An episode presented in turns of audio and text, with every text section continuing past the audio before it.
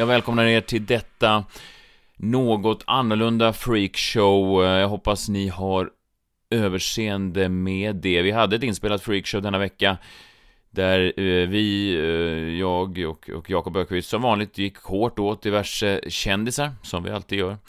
Men eh, jag och Jakob tog gemensamt beslutet att stoppa det avsnittet i någon slags behållare för att nu istället göra så här. Det har gått, eh, när jag spelar in det här, lite över ett dygn sen vi nåddes av beskedet att eh, vår radiokollega och eh, vän eh, Adam Alsing har gått bort, eh, 51 år gammal.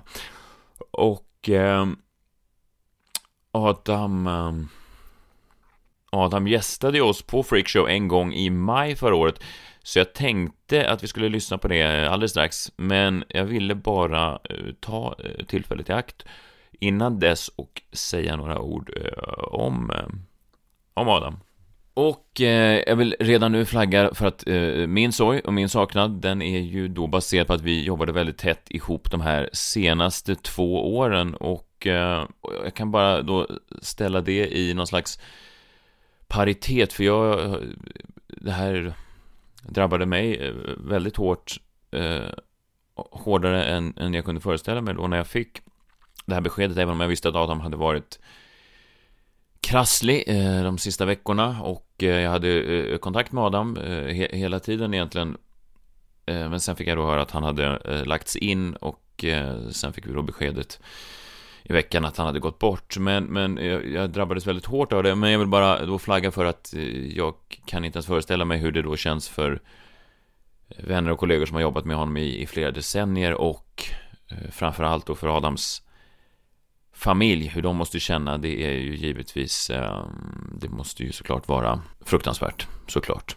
Och eh, Adam pratade väldigt ofta om sin familj, hur, hur stolt han var över dem och pratar mycket om sina söner och eh, vet man ju själv som förälder att man, eh, man vill ju inte man vill ju inte skryta mm, så, men man kan ju ändå inte låta bli att skryta lite grann. Alltså man kan ju inte låta bli att nämna eh, vissa eh, framgångar och, och, och, så som ens barn eh, är med om. Och eh, så, så var även Adam, man pratade mycket om sin familj. Så framförallt så, så går ju tankarna ut till dem då. Jag eh, min personliga relation till Adam Alsing var egentligen att jag eh, växte upp med honom, som nästan, det känns som att alla har gjort i, i min generation. Han hade sin talkshow på TV3.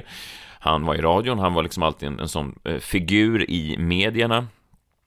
Sen för två år sedan så fick jag då möjlighet att jobba med honom i ehm, ett radioprogram som heter Energy Morgon.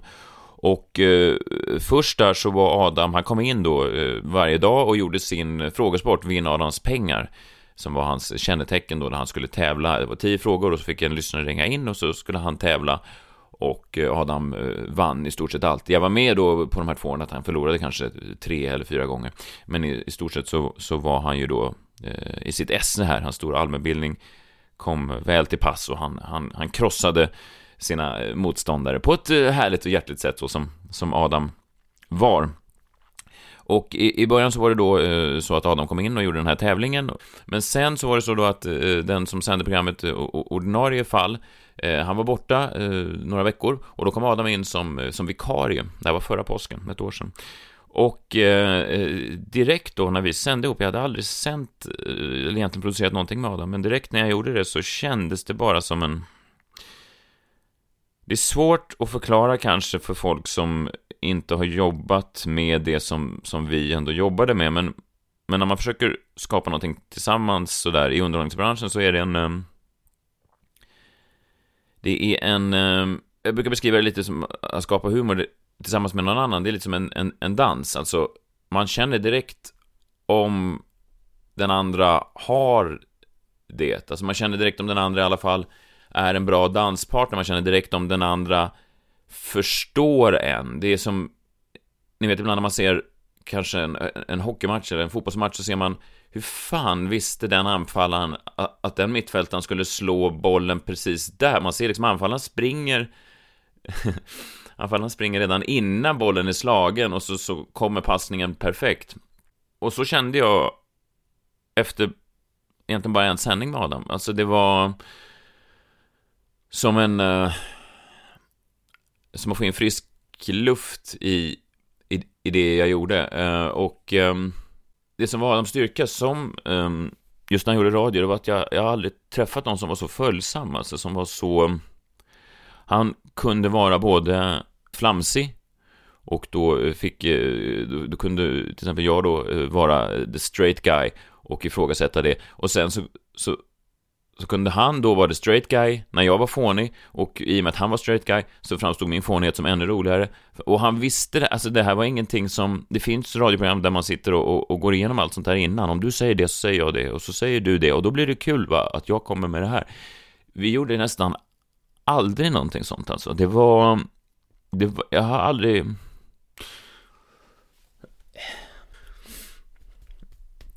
Jag har, jag har aldrig uh, upplevt det eh, tidigare. Och ehm, jag tror inte det säger så mycket om mig egentligen. Jag tror att det säger någonting om Adam. För att ehm, om det är någonting man kan ta med sig när man pratar med folk om Adam så var det just det att han gjorde alla eh, bättre. Alltså, eh, jag vet Klara Doktorov som, som då har, hade den här morgonshowen med, med oss. Det var jag, Klara och Adam. Det här sista året framförallt. Och ehm, hon, hon vittnar också om det, att han var så mån om att få alla andra i rummet att framstå som så bra som möjligt. För han visste, jag menar, det är inget snack, det var Adams namn på programmet. Alltså det var ju Adams eh, show. Vi andra var ju egentligen, ja, vi var ju bisittare till Adam. Han visste att han kunde bara gå till någon chef och säga, vet du vad, den där, eh, den där killen, eh, han, får ni, han får ni ta ut, jag behöver, jag behöver någonting annat. Eh, men han visste också att för att hans show skulle nå de höjderna som han ville att de skulle nå så var vi då tvungna att framstå som så bra och så roliga som vi kunde. Alltså att vi på något sätt presterade på höjden av vår förmåga. Och det där kunde Adam få fram hos alla han jobbade med. Och eh, det är en ganska unik egenskap, speciellt i den här världen där vi rör oss. Ehm, speciellt i en underhållningsbransch där folk är extremt måna om att höras själv. Jag är definitivt en av dem. Ehm, man är mån om att få in eh, eh, allt sitt material i professionell wrestling så finns det brottare då som är unga, de är hungriga, de, de pratar om att get all their shit in, de vill ha in alla sina alla sina manövrar och de bryr sig kanske inte om hur slutprodukten blir så länge de får in sin sin skit och så är, så är mediebranschen väldigt mycket också, speciellt komikerbranschen, att det, det, det är därför ibland det kan vara outhärdligt att lyssna på när tolv ståuppkomiker sitter i samma radiostudio och den ena försöker övertrumfa den andra och ingen lyssnar på vad den andra säger. Det finns ingen brygga, det finns ingen början, inget slut, det finns bara en det är bara ett mischmasch av punchlines som skriks till höger och vänster. Och, och i den världen så var Adam så unik att han kunde att han kunde backa tillbaka när det var dags att backa, att han kunde trycka på när det var dags att trycka på. Det var, det var ett nöje och eh, sända med honom och eh, att göra morgonradio är lite intressant. Jag, jag, jag blev förvånad över hur hårt jag tog det här, för jag brukar vara ganska stoisk ändå. Alltså jag brukar vara ganska sådär... Jag brukar inte vara en sån kille som visar överdrivet mycket känslor alltid. Jag har alltid haft någon slags ganska sådär, en, en fasad uppe liksom, en, en, en, en mur. Um, men eh, till mitt försvar då ska man säga att, att, att göra morgonradio då, som jag, Klara och Adam gjorde, det är någonting som accelereras i relationerna när man står där innan sex varje morgon, måndag till fredag, året runt. Det, det är liksom Alltså ett år i en sån studio tillsammans när man är som mest naken och mest transparent när man kommer in på morgonen och all skit som man har varit med om bara outas där, alltså man har haft något bråk med sin partner eller man har haft något bråk med sina barn eller man har fått några andra tråkiga besked eller eller man, man är orolig för ett jävla virus som som sänker världen. All den där um, allt det där ventileras. Eh, så att man har liksom inte tid att sätta upp de här ramarna som man har mot människor och kollegor som man träffar på normala jobb. På normala jobb så har man ju, man kan ju gå igenom en hel del skit, men man har ändå någon slags jobbfront som, som, som skyddar en. Eh, inom morgonradio så accelereras det där och man lär känna varandra väldigt snabbt och väldigt tydligt och, och man ska skapa så enormt mycket innehåll varje dag.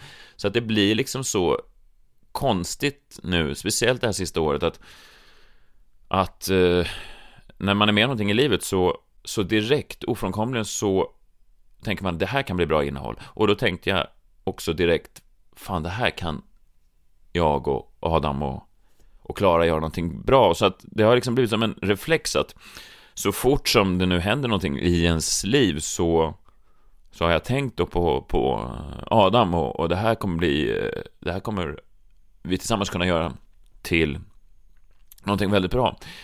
Och eh, därför känns det också, också absurt, hela den här situationen liksom. I mediebranschen så ber man ju hela tiden om relevans, man ber hela tiden om att vara någons mittpunkt, att vara eh, i fokus.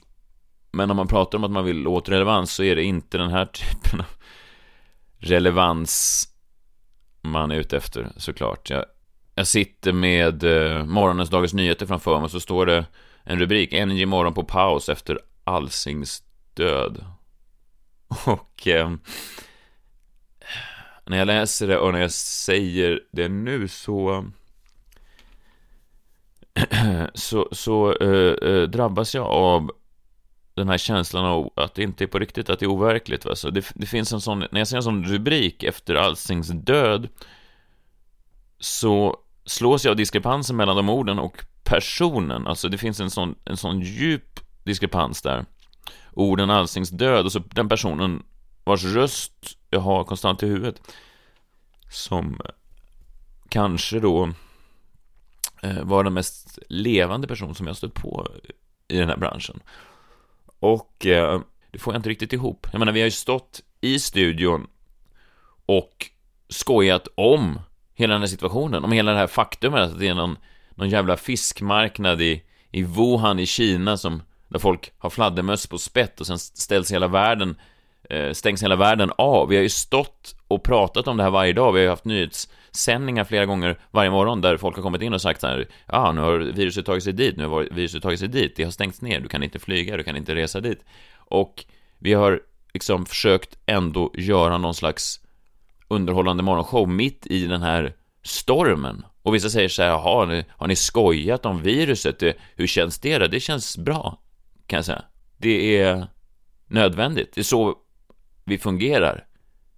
Underhållare fungerar så att man tar skit som händer i samhället och försöker göra någonting underhållande av det. Det finns ljus i alla mörker, det finns humor i alla situationer. Man skojar inte om kanske om dödsfallen, man skojar kanske inte om, om eh, akutsjukvården, man skojar kanske inte om att folk lider. Men det finns ju något absurt i hela det där, precis som det finns något helt absurt att man står med en älskad kollega som som varje dag sen sen början av januari har stått och läst allt om det här viruset högt. Han har haft han hade en eh, en, en eh, aktuell statistik då med, med, med, med, i Kina där han sa så här, oj, nu har så här många dött i Kina, men det är också så här många som har tillfrisknat, så här många har tillfrisknat, det finns ljus eh, i, i mörkret. Adam var även min sons, min, min åttaåriga sons stora stora, stora idol. Och... Eh,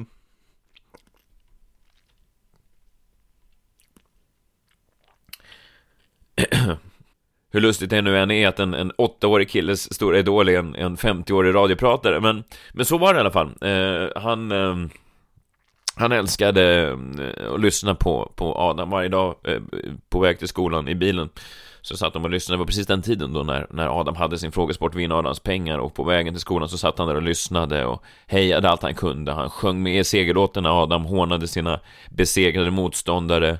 Eh, han sjöng, han gick runt i skolan och sjöng Jag kissar på dig, inte bokstavligt men bildligt brukar han gå och sjunga i skolan framför barn som inte hade hört den här specifika frågesporten och antagligen bara tänkte att ja, det var också ett, ett märkligt sätt att säga god morgon. Men det blev liksom som hans morgonrutin, min sons morgonrutin, att varje morgon då få höra hur Adam eh, hur Adam eh, klarar sig igenom den här tävlingen. Och eh, varje gång som Adam vann, för han vann ju alltid, han kom ju upp i enorma seger, eh, segersiffror, segersviter på 90 dagar i rad och sådär och eh, brukar min son säga, ingen kan slå mästaren.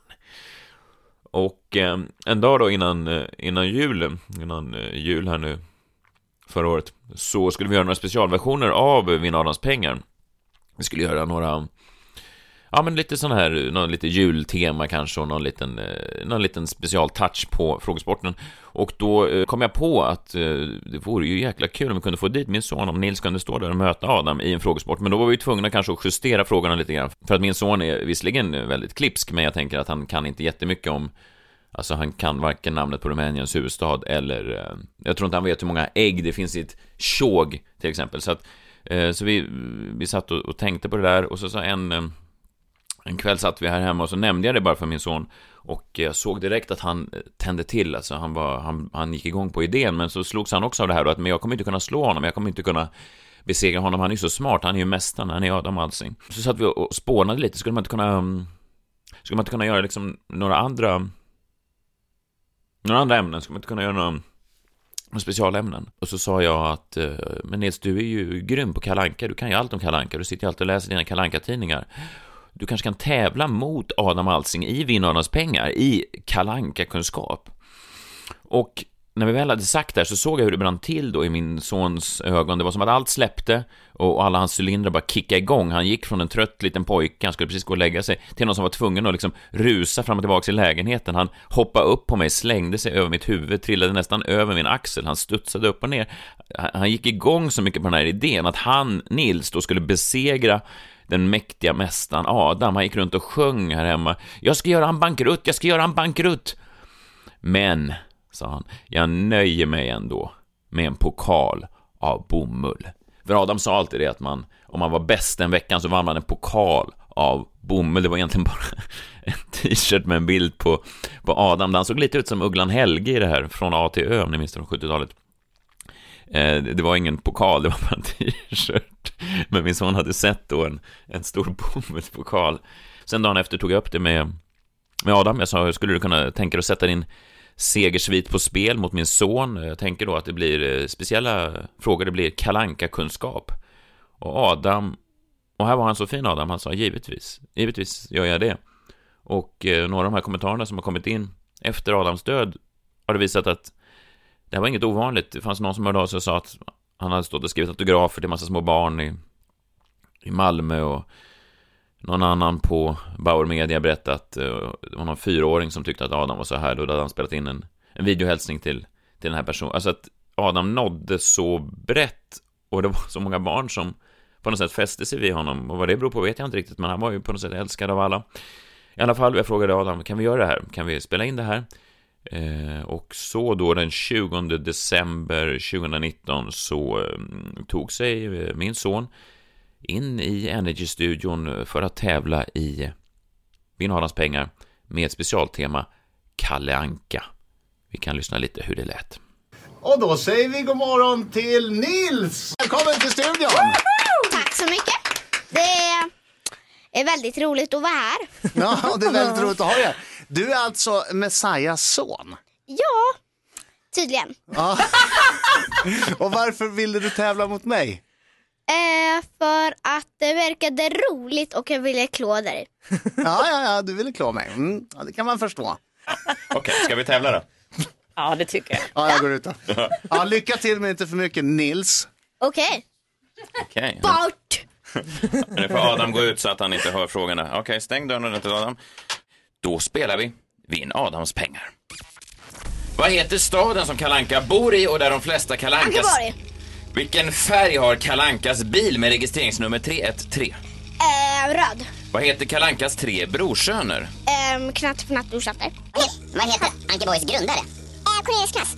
Vad kastar häxan Magica de Häx för Vad heter Kalle Anka när han blir en superhjälte? Storkalle. Vilket årtionde kom första Kalle Anka-tidningen ut? Pass! Ja, okej. Okay. Bra! Vi har ett resultat. Adam, du fick fem rätt.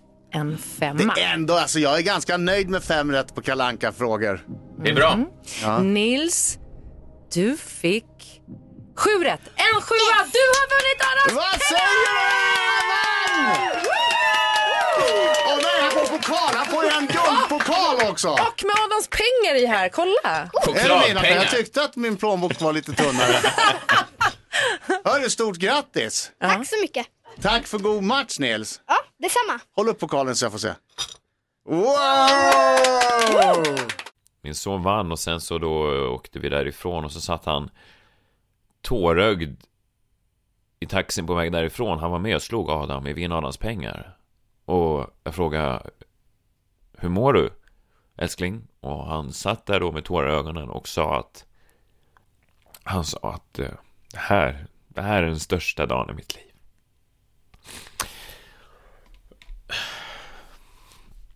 Och um,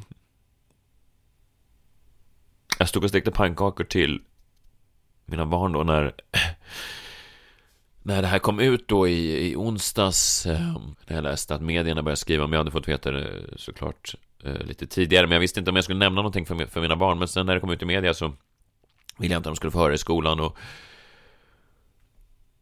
så jag sa det till honom och, och, och han blev jätteledsen. Han, han hade aldrig liksom upplevt sorg på det sättet förut. Det är någonting speciellt första gången man upplever sorg på det här sättet, på ett sånt sätt där man inte kan styra själv. Som vuxen så kan man i alla fall, man har känt, man känner igen känslan, man kan i alla fall försöka kontrollera sig lite grann. Man är bekant med förnimmelsen av sorg, men när du är åtta år aldrig upplevt att någon har gått bort egentligen som, som du känner så först. Man blir liksom, man, man är inte bekant med sina egna reaktioner, så han gick runt och, och det var ganska mycket sådana gutturala läten och han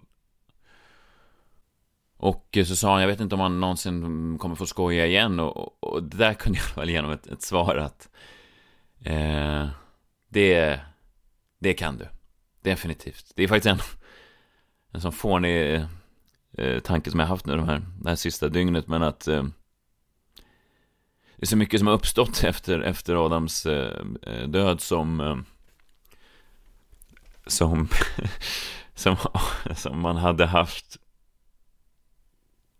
man, det finns eh, saker som folk har skrivit, vad andra kändisar har skrivit, vad folk på nätet har skrivit som Adam själv hade, som man hade kunnat haft väldigt roligt åt. Nu är det inte så, nu är det inte så döden eh, fungerar tyvärr, men jag, eh, jag saknar eh, möjligheten att kunna slänga iväg en skärmdump på fånigheter som man ser på internet. Eh, så som vi alltid gjorde när vi såg fånigheter eh, på internet. Kolla vad den här dåren skriver. Men som radiopratare då så var det Adams absolut stora styrka, förutom att han själv då var väldigt intelligent och rolig och sådär, så var det att få alla andra i rummet att framstå som så bra som möjligt, att alla andra skulle känna sig sedda och jag har ändå under de här senaste 11 åren som jag har försökt producera eh, underhållning i det här landet, så jag har gjort underhållning i massa produktioner med massa roliga människor. Men jag har aldrig gjort radio med någon som var så inkännande, som hade en sån fingertoppskänsla för slutprodukten. Alltså bland de finaste kommentarerna vi får nu efteråt, det är när folk skriver att det märktes att ni hade kul tillsammans, eh, du och Adam och Klara. Och, och, och det hade vi verkligen. Alltså i den där kommersiella världen där vi ändå agerade, alltså i den där kommersiella världen där det spelades mycket skitmusik och när det blandades med enormt störig radioreklam, så var det som vi producerade äkta och framförallt var Adam äkta. Alltså det var inga av de här skratten, hans smittande barnsliga skratt som var fake. Alltså i en, i en sån kändisvärld där man rör sig, där man kan nästan räkna äkta människor på handens fingrar, så var Adam alltid genuin. Han var alltid äkta, han stod på något sätt alltid med en fot kvar hos liksom lyssnaren. Det, det, blev så på något sätt. Han blev som ett lackmuspapper. Jag visste att när jag kunde få Adam att skratta så visste jag att folket som lyssnade på programmet också skrattade. Det blev mer och mer i mina prat och varje eh, gång strax efter åtta så hade jag ett, eh, ett, ett segment som heter Messiahs minut där jag gjorde någon fånig spaning om någonting och eh, jag visste att om jag kunde få Adam att skratta så hade jag gjort mitt jobb. Eh, det blev nästan som att jag framförde den för liksom en, en publik på en. Att Adam var, var min publik och att hade han skrattat så var det en lyckad minut. Och hade han någon gång gått till låt utan att skratta så kunde jag vara sur på mig själv resten av sändningen. Det var, det var... Han hade en väldigt märklig egenskap, eh, uh, att, att kunna få oss andra att försöka konstant vara så bra som vi kunde vara.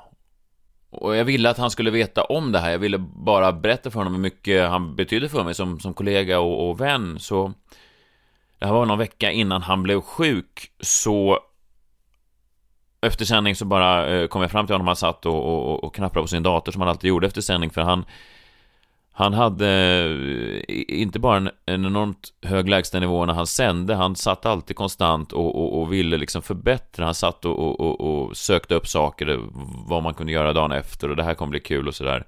Ehm, men då satt han och knappade och då, då kom jag fram till honom och, och, ville bara säga eh, det, hur mycket jag uppskattade honom. Och eh, jag försökte liksom lite knapphändigt sådär. I huvudet var det helt klart vad jag ville säga, men sen när det kom ut i min mun så blev det ändå lite mer, du vet som som män ibland klyschigt kan vara, även då två rätt blödiga killar som både jag och Adam eh, definitivt var, är, så blir det liksom lite hämmat sådär, lite ansträngt, man vill säga så mycket. Men så jag sa någonting i stil med att du är verkligen, alltså, det jag tycker verkligen att du har, du är verkligen, för mig, alltså att du verkligen för mig är, jag, det finns jag har aldrig, jag tycker verkligen om alltså att du gör är, det är kanon. Det är, jag uppskattar verkligen det du gör Adam, för mig. Du får mig att känna mig väldigt rolig. Och så tittar han på sin dator eh, med sitt skägg och sina glasögon och så sa han lika, svalde någon gång och så sa ja det, det är mitt jobb. Och så tittade han ner i datorn igen. Och jag sa, ja, ja nej, precis, precis. Eh, så jag hoppas att han visste. Ja. Hoppas han visste hur mycket, hur mycket eh, jag uppskattade honom. Och eh, jag eh, tänker på den här radiostudion nu, jag tänker på, på den här Energy-studion som står där och eh, hur, hur det står en tom plats där borta. Där han stod, där Ankare stod där.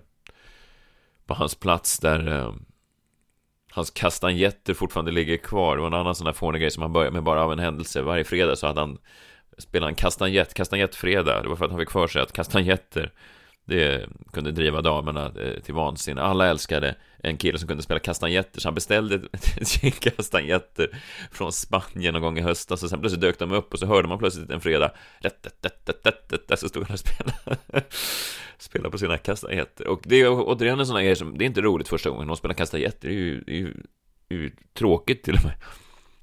Men så andra fredagen, vad fan har du med de där kastanjetterna igen? Tredje fredagen?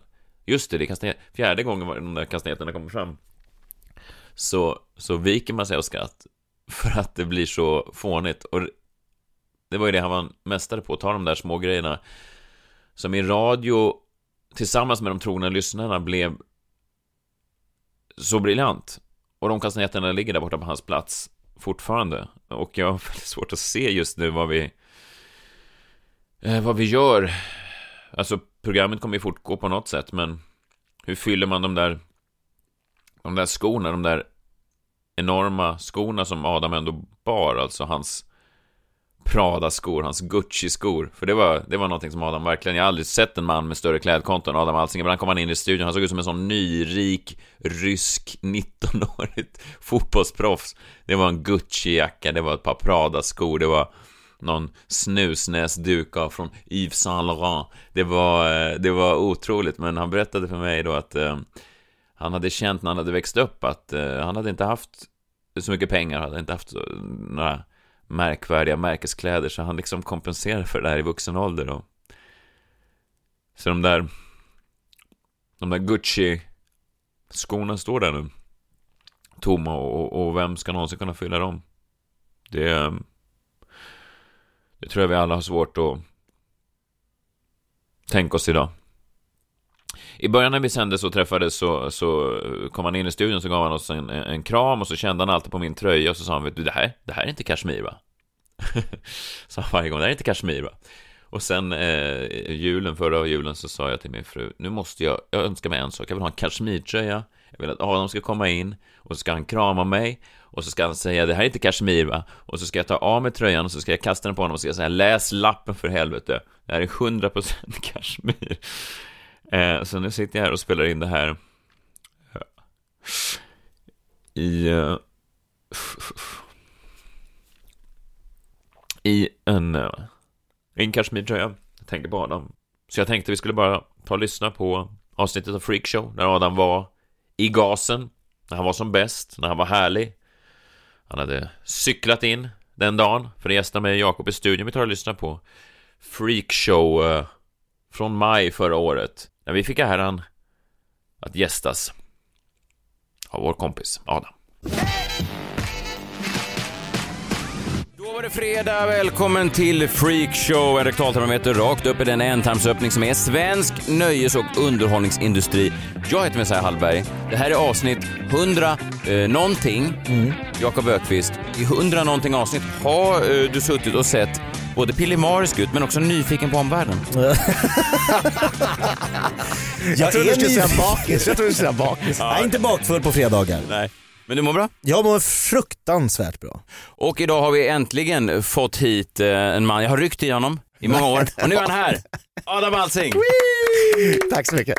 Ja, nej, du har inte ryckt i mig i många år. Jo, det har jag. Nej, det har du fan inte Nej, gjort. Du, du smsade mig i onsdags, vill du vara med? Och jag sa jajamän.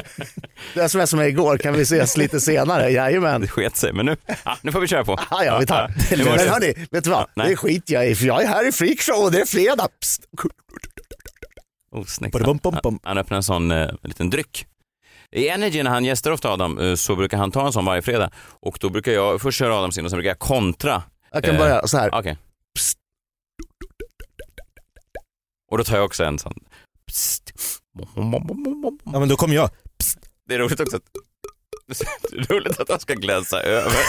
Ingen, Ingen- reaktion på min uslöpning. Ingen, nej, nej, för det enda viktiga är att Jakob Ja. får vara Ja, the- det är inte the man. viktigt, jag bara vill markera. Det var uppenbarligen viktigt. ja, det, det är inte Ja, jätteviktigt. fast det var det. Lite viktigt. Fast det var visst viktigt ja, för men för dig. jag känner att det är den grej jag har som jag är bra på. Ja, vi hörde det första gången.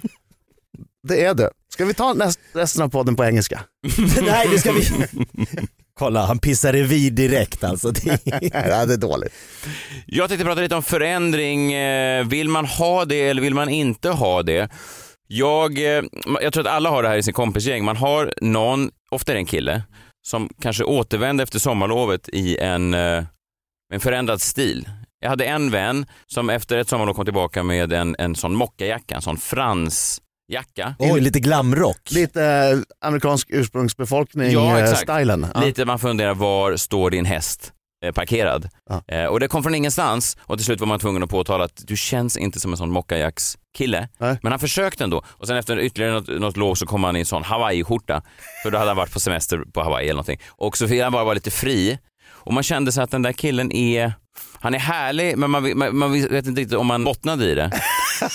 En bottnar- sökare Hur någonstans. bottnar man i sin hawaiiskjorta? Ja men man kanske är en, ja, men jag, jag tror att till exempel, säg Lasse Kronér om man sätter på sig en hawaiiskjorta. Det då funkar. Då bottnar han i det på något Ja. sätt. Han, han är en sån typ. Han är grundad i Hawaii. Ja, han är det. Eh, sen hade jag också en, en vän som alltid hade på sig eh, t-shirt och jeans, liksom till allt. T-shirt och jeans till begravning, t-shirt och jeans till bröllop. Det är lite mer safe. Ja men det är safe. Så det här är två spår. Och det här slog mig då, jag är ett gammalt eh, Oasis-fan, mitt favoritband. Och eh, Liam Gallagher, Noel Gallagher, två bröder som då splittrades där för tio år sedan och sen har de då försökt släppa lite solomaterial. Eh, och det här är ju då, man kan säga att här, de här två är då de här två killarna i min klass. Liam Gallagher släpper musik som låter, vad ska man säga, ungefär exakt som Oasis alltid gjort. Alltså det är gitarr, det är trummor, det är ganska Beatles-inspirerat. Vi kan lyssna lite på, bara på Liams eh, solomaterial, en låt.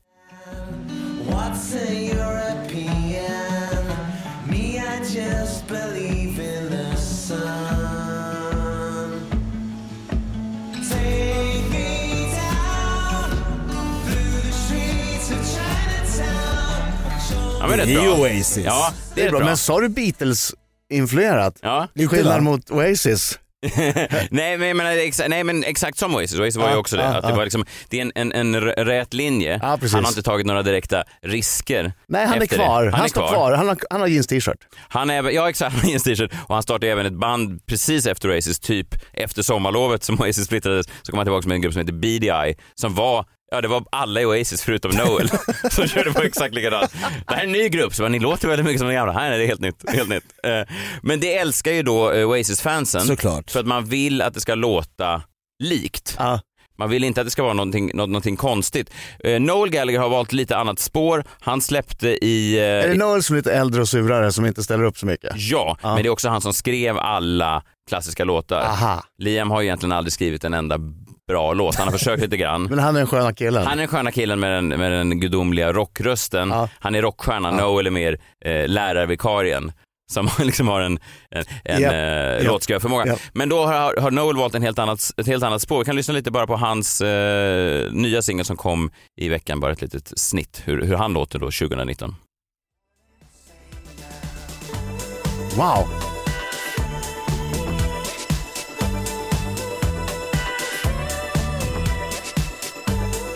Herregud, det är ju Fleetwood Mac är det ju. Det Det är är någonting. Tell me lies, tell me sweet little lies. Tell me, tell me lies. Ja, Ja, det är inte så Oasis, det är inte så mörkt, det är inte så mycket Manchester. Nej, Liam Gallagher hörde den här låten, eh, sen skrev han på Twitter “Fuck off!” då skriver han ju vad som jag händer. Jag tyckte det var skit. Ja, Det skriver det han ju alltid. Och eh, det är också så, Noel Gallagher har ju lagt upp på Instagram och Twitter den här nya låten och under är det väldigt många lads som skriver så här, jag hoppas du kommer ur din eh, medelålderskris och kan börja göra lite bra musik igen. Aj, aj. Eller någon som bara skriver “It's shite mate, it's shite”. väldigt tydligt. Han fick inte ändra sig, liksom. han fick inte komma i den här fransjackan efter sommarlovet. Han fick inte göra det. Tidningen Enemy eh, skrev då när de recenserade den här, Noel Gallagher's gone disco dad. Det är inte, Daddy DJ. det är inte, och inte på ett bra sätt. Jag vet inte. Disco dad. Nej, disco dad är ju nedlåtande, det Ja. vill man ju inte vara. Ja. Det, just dad är ju sällan, en, en, en dad body är ju inte... Inte toppklass. Nej, det är inte toppklass. Nej. Men är en disco där en pappa som kommer in på diskot och börjar köra pappadans? Ja, jag tror Skulle att det är det. det. Jag tror Ja. det. Nya singeln heter Black Star Dancing. Jag tycker den är bra, men det som slår mig då... Ja, men den är skön. Men det som slår mig är ju att man har ju det där med väldigt många, man kan ha det med tv-serier eller författare eller musiker. Ibland är man otroligt besatt nästan av idén att det ska vara som det alltid har varit. Mm. Alltså man vill att en författare som skriver en viss typ av böcker alltid ska skriva den typen av Mm. böcker. För att annars så blir det fel i huvudet. Det blir tilt. Ja, samtidigt som jag på något sätt ur liksom konstnärligt perspektiv har mycket mer förståelse och imponeras mycket mer av någon som vågar kasta sig ut och göra, vad fan, 50 år gammal och göra någon slags disco-pop. Alltså att försöka utmana sig själv och inte göra exakt samma sak hela eh, tiden Men, fascinerar mig. men är inte svaret på frågan egentligen, så länge det blir bra så är det okej? Jo, men jag tycker Om att det det, hade är... varit fantastiskt. Ja, fast tror du att de här ladsen Det här i... var inte fantastiskt. Mm. Det lät precis, alltså det lät ju som att han har tagit en gammal Fleetwood Mac-låt. Ja, men han är lite vilsen då. Man, man, man kan ta en... eh, Men Jag tänker på bara ett sånt exempel som Jo Nesbø, ja. Författare, Deckarförfattare. deckarförfattare, Ja. skriver om sin hjälte. Som jag nu inte kommer ihåg vad fan han heter. Ja, men han har ju någon sån här en- Wallander typ. Ja, han har en Wallander typ. Ja. Plötsligt så gör han en bok om en annan person som är helt urusel. Tycker jag då att den boken var urusel för att det var om en annan person eller var det faktiskt i själva verket en sämre bok än de här han har gjort? Nej, Jag tror att det var en sämre bok därför att de andra har han gjort i, vadå, 15 stycken av. ja. Så att man kan karaktärerna, man kan birollsinnehavarna, man, persongalleriet är mycket eh, mer Det är trygghet, man utmålat. förstår direkt vad man Du hamnar kastar i. in och vet vilken värld du har hamnat i. Här ska du lära känna eh, folk igen som du, det, det är jobbigt, det finns ett motstånd. Ja, verkligen. Men det finns ju också så att, det finns ju tv-serier där plötsligt säsong tre så är de plötsligt i en helt annan stad eller du vet, det är någon ny karaktär som man hatar och då förskjuts hela det Ja. man har gillat. Men ibland kan det ju också, ibland måste man ju bara bryta ner allt för, för att det nya ska växa upp något Ja, ännu bättre. Vi har väl sagt Ja, i den här podden att om någon eh, hamnar i koma eh, och ligger i- li- nersövd i 21 år, Mhm. vaknar den så behöver den liksom lugnt dras in i den nya världen. Och då har vi sagt, slå på TV4 för det är fortfarande Fångarna på fortet, Let's Dance, Bonde söker. Alltså det är samma program så det blir ingen jättechock för den här personen. Man börjar med två veckor framför Mm. TV4 så man långsamt kommer in i verkligheten. Nej, det verkar inte ha hänt så mycket och sen visar man en iPhone. Ja. Ah! Helvete vad det hänt man, kan, man grejer. kan inte gå direkt på iPhone utan man måste titta på Tony Irving i några veckor först. Han är där, Gunde är där, de här kortväxta, alla är kvar. Man ser Gunde, han är inte lite äldre men nej, jag kan inte riktigt sätta fingret han ser fan lika gammal ut. Eller Ja, lika han ung ser ut. exakt lika, ja det är ingen skillnad. Men, men Noel är då, ja, jag, jag tycker det är intressant, på förra skivan, vi kan bara ta ett annat exempel, en, en låt som också blev väldigt avskydd då av Oasis-fansen. Man är ju van vid alltså skinnjacka, gitarrmusik, det är ju det man är van vid. Men är inte Oasis-fans också väldigt mycket skitstövlar? Nej, det vet jag inte. Det tror jag. Jaha, okej. Men eh, de är konservativa i alla fall. Ja, de För gillar... de är Oasis-fans och de gillar Oasis. Ja, de, Ja. ja. men de gillar ju också britpop, de gillar 60-tals mm, engelsk Ja, det, är ju, det säger ju någonting. Ja, kanske. Vi kan lyssna hur det lät när Noel kom tillbaka förra gången med Holy Mountain. Det här är inte heller... Det här är ju fan riktigt... eh, Let's stick together. Come on, come on, let's stick together. alltid en låt som direkt. Vi kan börja lyssna på refrängen för då låter det som eh, plötsligt lite mer Ricky Martin. Vänta. Nu.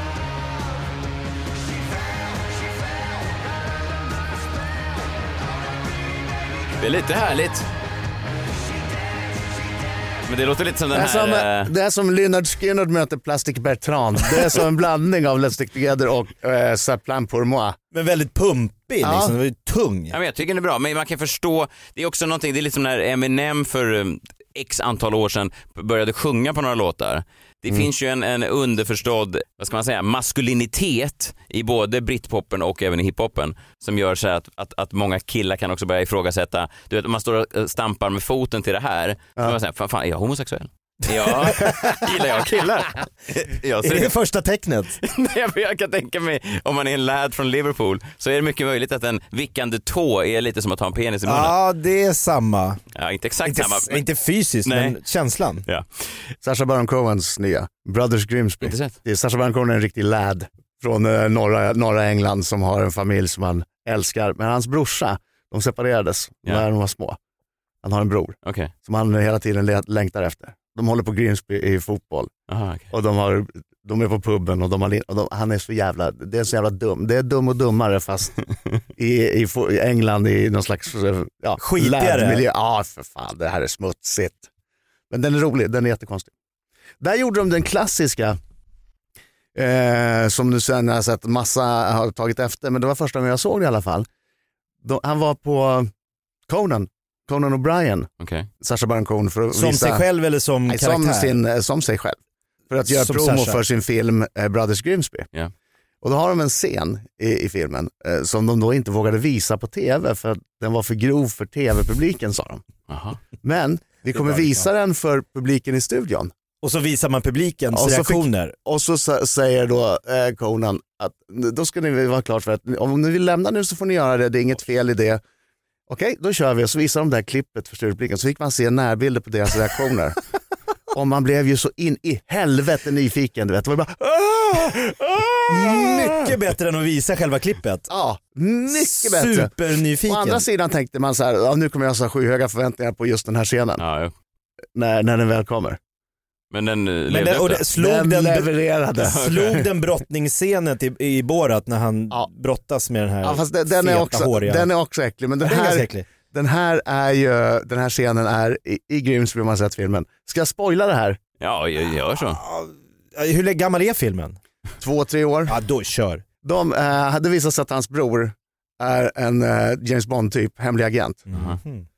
De eh, ska tillsammans fixa en grej. Okej. Ja, nu fattar man. Spoiler där. Men skurkarna är ute efter dem, de springer, eh, de är i Afrika. De springer, de, eh, de skjuter efter dem i gevär, de är helt obeväpnade. Okej.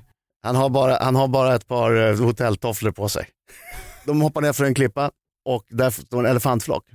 Men de måste ju rymma från förföljarna som klättrar upp Ja. i eh, Ah, en, ah. en elefantkvinna. Kan man väl Ta säga. sig in. Ja. Och de, det ser ut som de gör det. Alltså. Ja, ja, Bildligt talat. ja. Ja. Och sen så ligger de inne i själva elefantkvinnan. Ah. Och då kommer en elefantman. Nej, det fortsätter alltså. Så, Han blir kär. och så, ja, och, och elefantmannen blir kär och sen så gör elefantmannen och elefantkvinnan det Ja. de ska göra. Ja, som vuxna elefanter gör. Medan de ligger där inne och blir pummeled Fan, sjukaste scenidé jag någonsin. Ja det är det. Och den håller på länge också.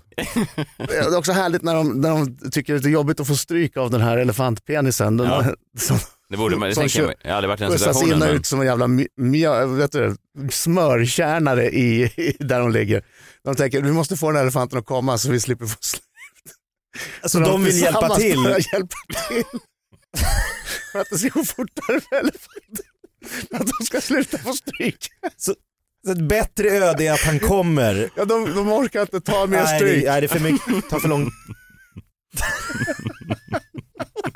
Nej, men vad fan. Och när han sen då blir så glad så att han, då får de... Det här är en annan typ av filmrecension än Ronny Svensson brukar. Ronnys rullar med Jenny Ja, Ström. det är fyra solar. Nu ska vi gå till köket och se vad Marcus Ancholo har. Kan du crème fraîche-röra har du? Ja, Ehm, Just det, Oasis ja. Ja, vad var vi? Nej, jag tänkte på det här för att jag eh, förra veckan firade tio år som eh, ståuppkomiker och eh, där har man ju också lite samma sak. När jag eh, började så var jag väldigt tydligt en, en karaktär, jag pratade på ett visst sätt, jag hade en viss typ av skämt hela tiden. God kväll mina vänner. Låt mig berätta inledningsvis en liten historia ur mitt liv, sann historia. Okej Göta Lejon, lyssna på det här. Jag gick förbi en riktigt fattig person häromdagen. Jag försökte inte skratta åt honom. Det gick inte. De ser ju för roliga ut. Har ni sett dem? Jag har en fråga. Hur kan det komma sig att det bara är folk med riktigt, riktigt dålig klädsmak som är uteliggare? Finns det ett samband? Han kom fram till mig och sa ursäkta herrn, har du tre kronor till en kopp kaffe? Och jag var tvungen att säga tre kronor. Vad dricker du för skitkaffe? Och det har jag då långsamt förändrat för att jag tycker att det var eh, nödvändigt för, för mig. Men när jag började, jag såg, jag gick tillbaka och tittade på tio år gamla klipp så påminner jag väldigt mycket om eh, Jimmy Carr lite grann, en brittisk Mm. eh, ganska posh eh, komiker. Men han kör ju, jag har sett honom live. Ja. Han kör ju eh, one-liners. Mm. Han kör två timmar med skämt på skämt på skämt på skämt på skämt på skämt på skämt på skämt. Inget galet. tema utan bara bamba, Ja. bamba, bamba. Kanske två, tre skämt hänger ihop, sen är det nya. Men jag hade också då one-liners ganska mycket i början och det blir liksom en, en ganska, det är en ganska speciell typ av humor. Det här är Jimmy Carr då, när han, när han började.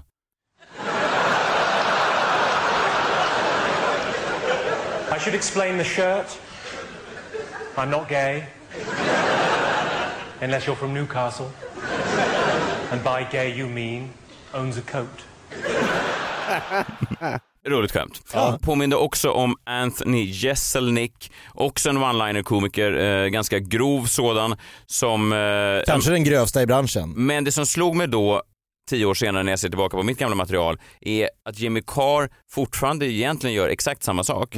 Anthony Jeselnik gör i stort sett också exakt samma sak, vilket förundrar mig att de inte har några Noel Gallagher-ögonblick. Förstår du menar? Det finns liksom inte en, en ambition ens att stå och göra någon slags discopop, utan det är exakt samma typ av one-liner fortfarande och det är lite synd kan jag tycka på så begåvade komiker att det inte finns en minsta strävan av att utveckla sig. Vi kan bara lyssna här lite från Anthony Jeseliks nya eh, show. There's this nine year old girl.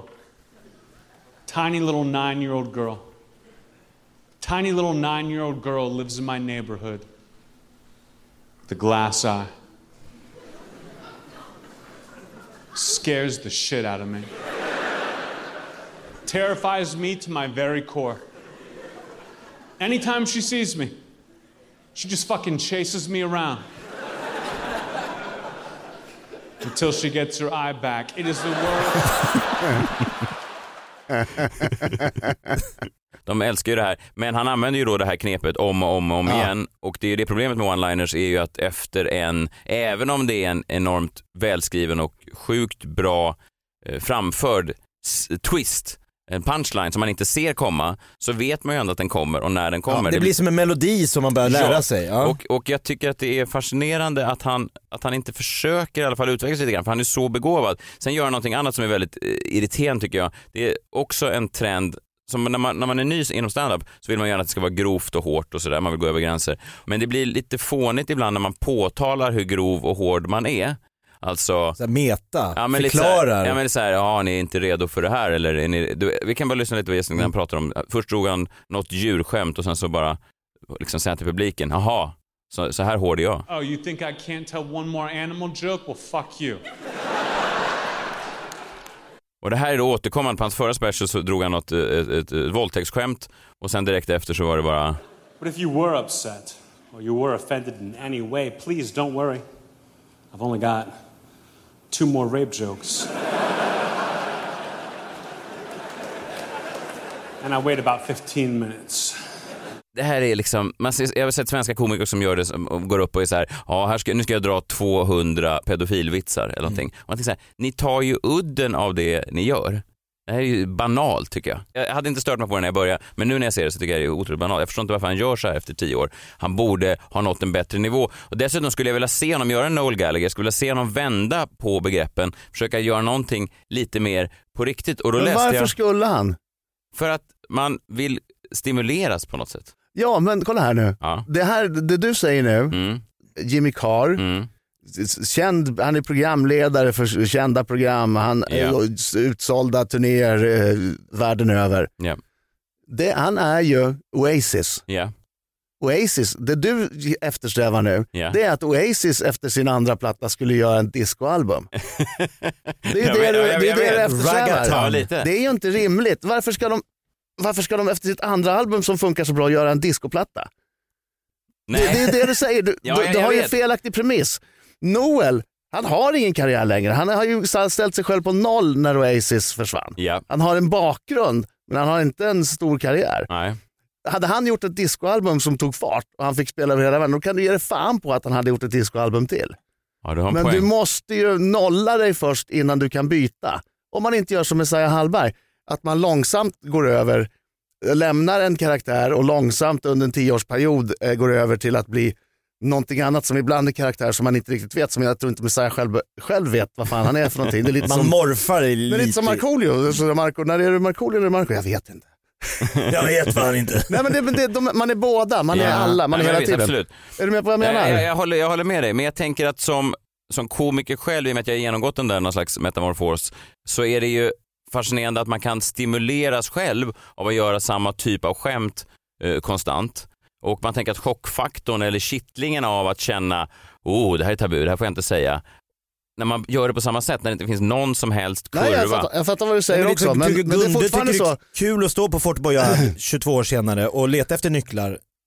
Jag vet inte, men om, om Jimmy Carr inte hade tjänat en miljon pund Nej, om året så kanske han hade gjort om funkar. sin karriär. Ja, absolut. Men, men vad fan, så länge de skottar pengar på honom, Anthony Jeselnik går det ju bra för också. Ja, verkligen. Så länge han hela tiden får framgången och berömmelsen så finns det ju ingen anledning för honom. Mer än att han, ifall han själv då känner att nej fan nu är jag trött på det här, nu vill jag utmana mig själv. Men om man tittar på Jesselniks förra special som också finns på Netflix, eh, Thoughts and Prayers, då fanns det den sista kvarten där, där fanns det liksom en antydan att han eh, bytte stil och gav lite mer av sig själv och det var det mest, ja, de bästa 15 minuterna han har gjort och det var förra specialen. Men nu när jag slog på den här då igen så var det liksom samma skit igen. Inom wrestling så brukar folk skrika same old shit när en brottare bara liksom inte återuppfinner, att han bara gör samma sak om och om igen. Och lite så kände jag när jag satt och såg det här. Jag hade önskat att han hade gått tillbaka de där 15 minuterna och liksom hittat den där nerven. För det där gav mig ingenting. Jag fattar. Ja. Och det finns, jag läste faktiskt, efter jag såg den här specialen så googlade jag lite grann och då finns det en, en eh, artikel, en intervju med honom i New York Times som är gjord precis efter den här specialen släpptes, som är lite intressant och, och är inne lite på det här. Han pratar då lite om att han faktiskt har anpassat sig lite grann. Han har exempelvis strukit en hel del skämt som han inte riktigt kände sig bekväm med längre. Han berättade att ett skämt som han drog som han inte hade med i showen då är Why is it a hate crime if I love to do it? Det tog han bort. Ja, det tog han bort. För, att, för då säger han, jag vill, det, är ett väldigt, det är ett briljant skämt såklart, men säger han, ja, för då vill jag inte ens låtsas att vara på den sidan just nu. Ah. Och det där är ju någonting nytt, så då finns det ju ändå eh, tendenser till det här. Eh, han, eh, Dave Chappelle pratade ju till exempel eh, tidigare om att han eh, tyckte det var jobbigt med vi, vissa vita skratt, alltså vita personers skratt kring rasistiska eh, svarta stereotyper. Mm. Det tyckte han var obehagligt och eh, Ja men och Jeselnik pratar om det här då, att han pratade om sin flickvän tidigare i karriären och då visste han att vissa män skrattade lite obehagligt, lite misogynt i publiken. eller vissa eh, rasskämt så hör han rasister i publiken på ett sätt som han inte har gjort tidigare. Och det här är ju lite intressant och då säger han att han någonstans i slutändan skulle vilja nå till en punkt där han kan använda sin humor to be helpful. Alltså, I think I can make a difference.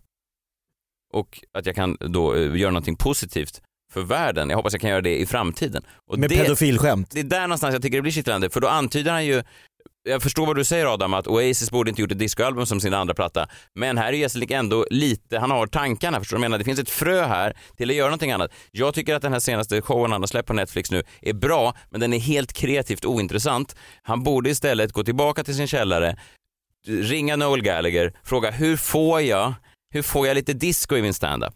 Hur kan jag göra någonting för att bryta upp det här? Nu har jag gjort fem shower med det här temat. Jag vill hitta någonting nytt och det har jag alltid försökt eftersträva. Att liksom förändra mig och, och det tänker jag även är viktigt jag menar, i poddsammanhang. Vi kan, du vet, eller hur? Vi började på en nivå, Jakob, du och jag. Vi började med Freakshow för två och ett halvt år sedan någonting. Ja. Och vi kan bara lyssna liksom, hur det lät då. Det var ju en, en annan typ av, vi kan bara lyssna. Live från Stockholm, Sverige. Du lyssnar på Freakshow. Ikväll, Erik Sades Ja, fatshaming. Det låter ju exakt, exakt likadant. Ja, det var väldigt likt. Exakt samma låt och allting. Det har inte jag hänt säger någonting. ikväll Det har alltså live. inte hänt någonting på två och ett halvt år. Nej.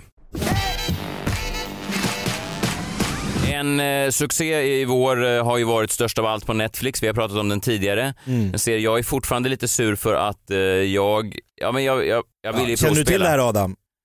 Messiah Hallberg sökte och fick nästan rollen. Ja, skitsamma. Jag såg det. Felix eh, Sandman var väl duktig. Jag tycker han har konstig frisyr för att vara en stekare. Ja, lite Hade dum och sån- dummare-varianten där. Nej, det, Ja. var, det gjorde mig irriterad. Varje gång jag satt och såg den så tänkte jag, det där hade jag kunnat göra bättre. Men det var en bra serie. Nej, men jag, jag hörde ju när ni pratade om det, Mm. eh, men jag trodde inte att det var på riktigt.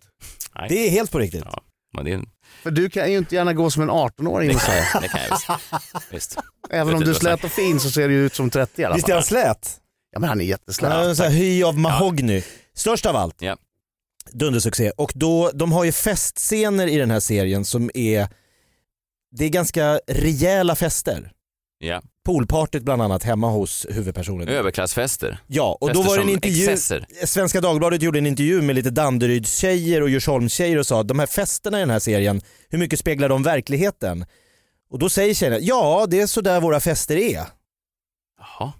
Och då blir man ju, vad fan har jag varit på för fester i livet? Ja, verkligen. Kommer ni ihåg festerna när man var 17-18 år? Mm, jag, jag minns ofta att man åkte ut till någon förort. Ja. För jag hade en kompis som hette Erik Ekebacke som jag umgicks mycket med för att han... Partykille? Ja, han var en sån där som man alltid ringde fredag, lördag för han hade hört talas om någon som då hade en fest. Och Det sen- räckte väl? Det räckte och då, var man, eh, då blev man ett snabbt stort gäng och så åkte man ut till någon Och det här var förort. innan Facebook. Det här var innan Det gick Facebook. att förstöra fester redan innan Facebook. Ja, verkligen. Var det samma i Värmland? Ja, jag var ju diskjockey rätt tidigt och Ah, var, ute och var spelade festen. på, ute och spelade på helgerna. Men jag vet någon, någon gång hade jag, när jag var ensam hemma i, i, i huset, så hade jag fest och då var det ju blixtsnabbt så att det, det, Djungeltrumman gick. djungeltrumman gick och så kom de stora dumma killarna och bara röjde sönder allting. Ja. Jag hade gömt mammas pappas sprit, inte för de hade så mycket sprit, men de hade några spritflaskor. Ja. Man hade gömt i bastun under bastula, alltså längst in.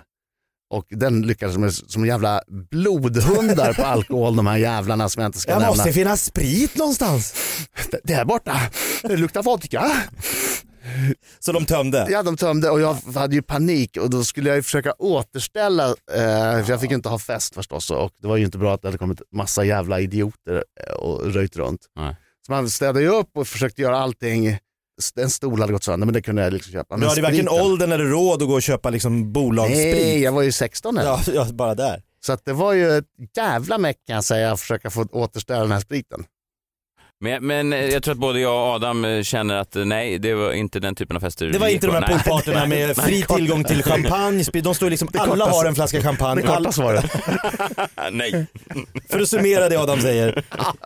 Fri tillgång till droger, det är liksom DJs, det är personal, det är liksom, nej men festen är, det kostar ingenting, eh, de bjuder på allting. Jag har varit på en sån fest i hela mitt liv, en sån här störst av allt-fest eh, och det var en studentfest. Kommer du ihåg den här luckan man hade efter man hade tagit studenten där man blev bjuden på studentfester fast man var lite för gammal? Att det fanns ett år eller något. fanns där. något år Ja, eller två där ja. man blev Nej. inbjuden, du var säkert DJ på de festerna? Ja, det kan jag vara. Kan ha varit. Jag varit inbjuden på en studentfest i Saltsjöbaden. Okej, det är ett rikt område utanför Stockholm. Solsidan spelas in där. Just det. Tecknet nummer ett på att jag kanske inte passade in på den här festen, eller på att jag inte, jag fattade inte, för jag hörde av mig och sa, vad är den här postgirotalongen där jag ska betala in för festen? Och det här var i fjol eller? Det här var 1996. Och alla bara, nej men du betalar med mobilen. Vad- men vad är postgirotalongen? Du swishar tar ni du. postgiro? Ja, men det fann, historien är att det fanns inga fester där man inte betalade först. Nej. Alla studentfester var ju att man betalade in och så fick man en eh, laxbit till förrätt och så var det en eh, fläsk noisette med Ja, pommes ja. och så var det någon chokladmousse och så var, ingick det två glas vin. Och det kostade då, ja men vad fan kan det kosta? 500-600 spänn. Jävla pengar de gör de här som anordnar de här. Anordna fester. Ja. Ja. men det var alltid att man måste betala. Nej, och han sa bara det, det kostar inget, det är bara att komma. Du fick stoppa ner ditt eh, bank. Jag fick gå Din tillbaks till posten och lämna tillbaks postgirotalongen och säga jag behöver inte den här. Men här behöver inte jag tydligen. Hallå! Här är en kille som ska på fest där det inte behövs talonger. Gratisfest. Sen eh, steg nummer två när jag borde ha känt att det var lite, det är när jag kommer till den här stora då, villan nere vid vattnet i Saltsjöbaden där de står och prickar av när man kommer. Det står två killar uppe vid uppfarten och prickar av folk. Mhm. Och de frågar mig, servering eller bar? De kunde inte i sin vildaste fantasi tro att jag var gäst. Nähä. Jag såg ut som att jag skulle jobba på den här festen när jag kommer. Men du, du var i rätt ålder. Ja, det här var två, två år efter studenten. Ah, ja. Som tog bara en snabb fördomsfull eh, blick på dig. Han ska jobba i serveringen eller så alternativt baren. Men hur, hur, kom- hur kom du dit? Alltså, hur såg du ut? Det är ju- Vita jeans och en hawaiiskjorta. Där är tillbaka på Hawaii-skjortan. Bottnade du i hawaiiskjortan? Det gjorde jag ju inte bottnade det. inte på festen för där hade alla smoking alternativ balklänning. Oj, oj, oj, du hade inte förstått klädkoden. Vem fan klädkod? Jag är från Jakobsberg. Jag hade gått på studentfest hur mycket som helst. Jag var kungen på studentfesterna innan. I mina jeans och hawaiiskjorta. Vem var det du kände på den här festen? Jag kände, det var min kompis som hade spelat in en film med en kille och han bodde i Saltsjöbaden. Ah. Så det är klart ni kan komma på min studentfest. Men att bli betraktad som en som ska arbeta på en fest till, till att känna, nej men jag ska, nu ska jag rocka den här festen. Det är svårt att hämta sig från den. Alltså det är svårt att... Ja, det är en lite hack i skivan. Ja, det är trist start på kvällen. När man tror att jag ska gå med en sån här bricka liksom på st- Nobelfesten nerför. Ja, man, vill, man, vill aldrig, man vill aldrig förklara det. Nej, jag, jag är ner och minglar på bryggan. Och du, förstår då, det är smoking och balklänningar och, Och så är det en kille i vita jeans och hawaiiskjorta. så jag är ju redan liksom Också stukad, som är van att vara the light of the party. Som är lite van att äldre också de äga. här jävla studenterna, Ja, ja, ja. saltiskidsen. De gick i trean i någon så eko, ekonomisk, humanistisk, eh, bla bla bla. Hamnar med en bordsdam, det är bordsplacering då, hamnar med en bordsdam, hon ger inte mig en blick på hela middagen. Hon tycker att det är förnedrande att sitta bredvid mig. Alltså på riktigt, jag, Ja. jag kan inte ens, jag försöker prata med henne, Ja, ja, hon känner att den här jäveln, han har inte här att göra. Nej. Alltså, Jag kan- jag kan- utanför, jag känner mig som knarklangaren Ja. i störst av allt. Ja, ja lite, man, man tänker sig, ja, hur hamnar han där? Det där är inte, en, Nej. det är inte festets, Nej. det var en mittpunkt Ja, men av en visst. anledning. Men, men jag kan förstå henne också för att, att jag kan tänka mig att det, blev, det spreds ju också kanske lite snack på festen att oj, eh, prata inte med honom där, han är säkert farlig och så vidare. Är han från Jakobsberg? Det, det, ryktet i, ja, men de såg ju på min klädsel, han fattar ingenting. Nej, nej precis, och då vill väl inte hon prata Varför med dig? finns det serveringspersonalen vid bordet? Men att du var kvar ens. Ja, man ska ju bjuda, det är gratis. Och Jakob väl? Mat och dr- drycken var gratis, maten var, jag fattade ingenting. Till och med baren var gratis. Ja, Det var helt orimligt i min värld. Att de bjuder alla, som, det är ju 200 pers på den här festen, de bjuder. Och sen har de då, i och med att det är lite så finare kvarter, då har de ett honnörsbord där han, studenten själv sitter vid honnörsbordet och hans släktingar, mormor, farmor, pappa, mamma. Jag har aldrig sett släkt på en studentfest. Det är ofta i någon källare med så här smörpapper på En gammal industrilokal. de gamla har- pingisbord har Ja. fått rullas undan. Aha. Och så är det, det är den typen av fester man Ja, har varit på. ja. Det är ingen släkt som dyker upp, det är bara fylla liksom. Så den här största av allt-festen var ju liksom, var ju märklig, jag kände mig så oerhört fel. Men kunde du när du såg Störst av allt känna att... Eh, det- Revanschen. Nej, det vet jag inte. Vilken revansch menar du? På, Att, att att du det- nu sitter och tittar Ja på men en de ser inte fest? så jävla lyckliga ut och de är inte så lyckliga kanske. Nu skrattar ni inte längre va? När ni är döda. Det var- tog 20 Du var år. den enda som satt och jublade när du fick se slutscenen när han mörsar ner I din hawaiiskjorta. Du inte pratar med mig. Vad tänkte du prata om? Då? Ah, Vad jag tänkte prata om? Nej, Jag är fortfarande helt fångad av eh, den där stridsvalen. Har ni Mm. läst om stridsvalen? Jag har inte läst ett ord om stridsvalen. Du fångad av en stridsval. Ja, jag har helt snöat in på det här. Norska fiskare för ett par veckor sedan Mm.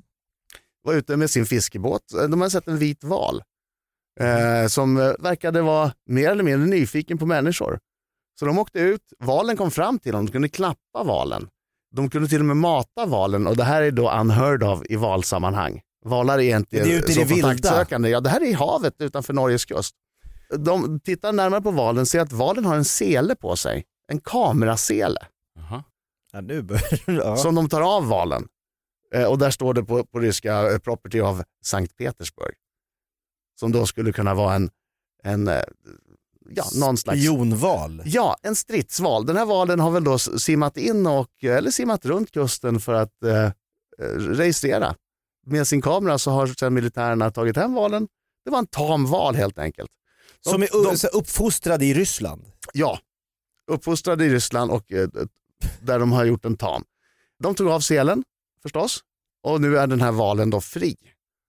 Och fortsätter att simma runt där. Och det är väldigt många turister som är där nu och vill klappa valen och kela med valen och valen tycker att detta är toppen. Och det som fick mig att börja tänka på det igen, eh, det, det intressanta är med de här stridsdjuren, det här är inget nytt att de använder djur. Eh, Och då menar jag inte... Försöker använda djur. Ja, jag försöker använda. Hannibal gick ju över, tågade över Alperna med elefanter. Det är inte riktigt samma sak. Nej. Men i andra världskriget så försökte ju ryssarna, de hade problem med tyska stridsvagnar. Mm. De kom inte åt dem. Mm. Så de tränade hundar att springa in med minor. Att lägga under stridsvagnar. För stridsvagnarna är då, eller pansarwagen, är hårda runt om men, men inte riktigt lika skyddade underifrån därför att där kommer det ingen skott i vanliga fall. Så de tränade de här hundarna att springa in under tyska stridsvagnar Jaha. eh, med miner som de sen släppte. Hundarna sprang iväg och då kunde de fjärrdetonera minan och så sprängdes stridsvagnen. Problemet var bara att de här ryssarna hade inte tänkt på att hundar har ett känsligt luktsinne. Och ryska stridsvagnar som de hade tränat på, de går på diesel. Tyska stridsvagnar gick då på, under andra på bensin. Bensin. Luktade helt annorlunda. Så när hundarna fick minorna i munnen så sprang de ju, de blev helt förvirrade och så sprang tillbaka och la dem under ryska stridsvagnar. Så det här var inget bra experiment. väldigt Nej, var dåligt. Men det som fick mig att börja tänka på det igen nu, när jag hörde det här tänkte jag det är inte möjligt, det kan inte vara möjligt.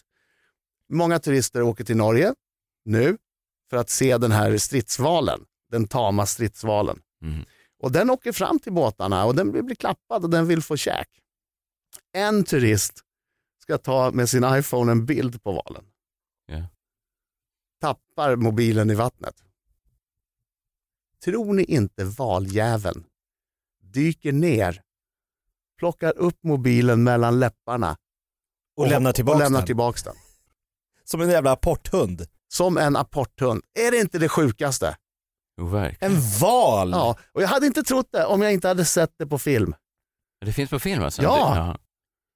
Men alltså jag tänker att, eh, nu så här myter, men att valar säger man har liksom en hjärna som en valnöt. Att de, alltså med stora jättedjur, Ja, ja. men totalt superkorkade idioter. Ja, Men möjligtvis. det kan de ju inte vara då. Inte just den här, Idioter, inte den här men valen. idioter, men alltså han, han, de har lärt han i Ryssland att åka till Norge och spionera på norska kustbevakningen, Ja, apportera tappade telefoner. Det är ju liksom en hög, det är ju det är en smart, det är en intelligent varelse. ja, verkligen. Men för jag har hört om eh, delfiner de har ju försökt få att attackera stridsfartyg och sånt. Just att de det. liksom sätter på dem små sprängämnen och Just det. Jävligt deppig... Ja, sjuka jävlar. Men är, det- är det som självmordsbombare då? Ja. Ex- Säger Kamikaze-delfiner. de till delfinerna, Du får 72 delfinoskulder. nej men säger de till dem att de, att de ska liksom ta sig dit och sen när eh, ingen anar någonting, då trycker de på knappen? ja. Men ja, men det är inte hur så svårt att simma de- in i den här bukten där det ligger massa amerikanska fartyg. Du, Men hur når de eh, avtryckaren med sina små sådana flipperfel? nej, jag, tror inte, jag tror inte delfinerna själva liksom, utan det... Nej, men det måste jag väl säga åt, de kan inte spränga sig innan utan det måste ju vara när de är på plats. När du flipper? Ja, Först när du ser en amerikansk flagga, det är ja, då. då trycker du på knappen och sen kommer de fram och sen så når den inte. Fan, De kanske måste vara två då, att en trycker på... Ja, partner. Ja, de är som ett tag Hur team. många forskare tror ni har försökt eh, tyda delfinspråk? Och Det lära sig vad det, Ja, vad det ja. betyder. Det. De betyder ju pratar ju garanterat uppenbarligen med varandra Ja. på något sätt. Ja, verkligen. Men Det man- måste finnas massa forskare som sitter och spelar in och spelar upp och ser vad som händer. Jag hörde en, en podcast som handlade om ljud just, eh, som var jävligt spännande. Eh, där berättade de bland annat om elefanter. Det var två saker som var eh, oerhört ögonöppnande, men framförallt de här eh, elefanterna var att när du ser elefanter på naturprogram, även om det är Attenborough naturprogram, Ute i det Så- vilda ja. savannen. så har de alltid lagt ljud på. Det hörs nämligen ingenting när en elefant går. Nähä.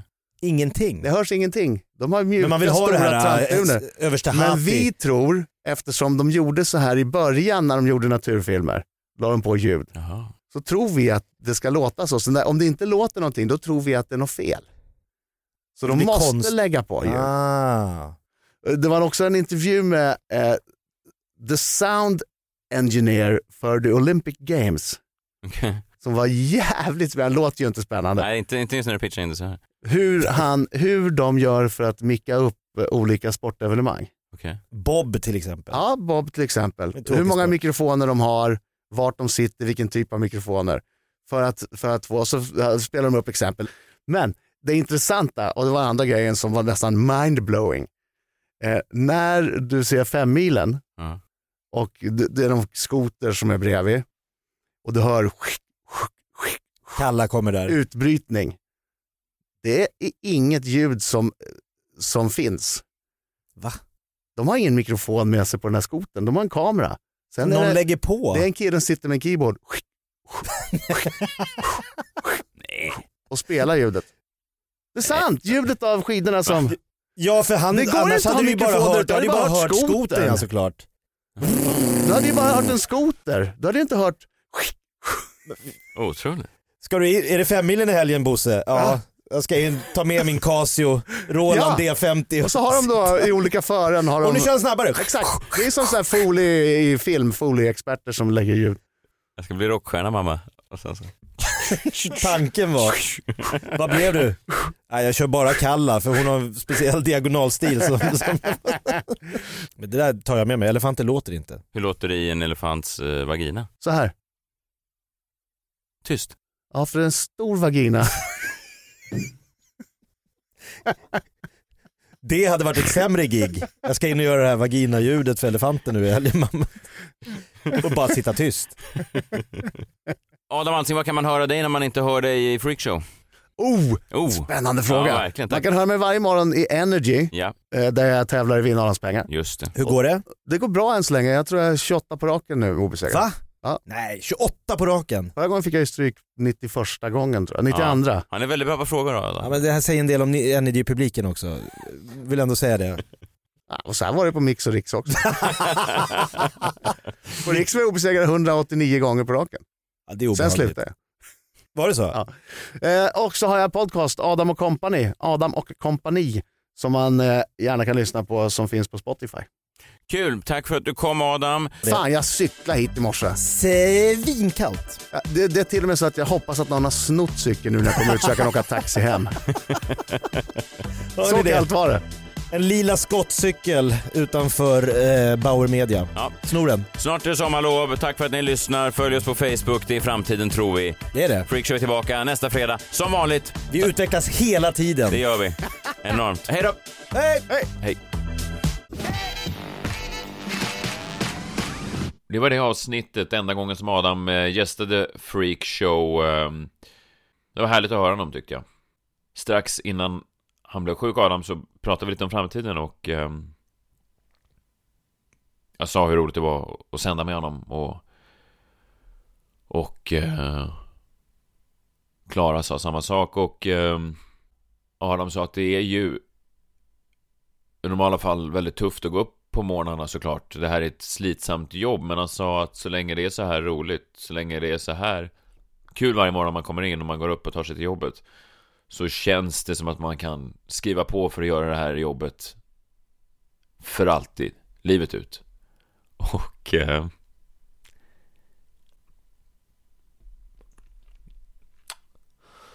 så... eh, Så blev det ju. Vi... eh,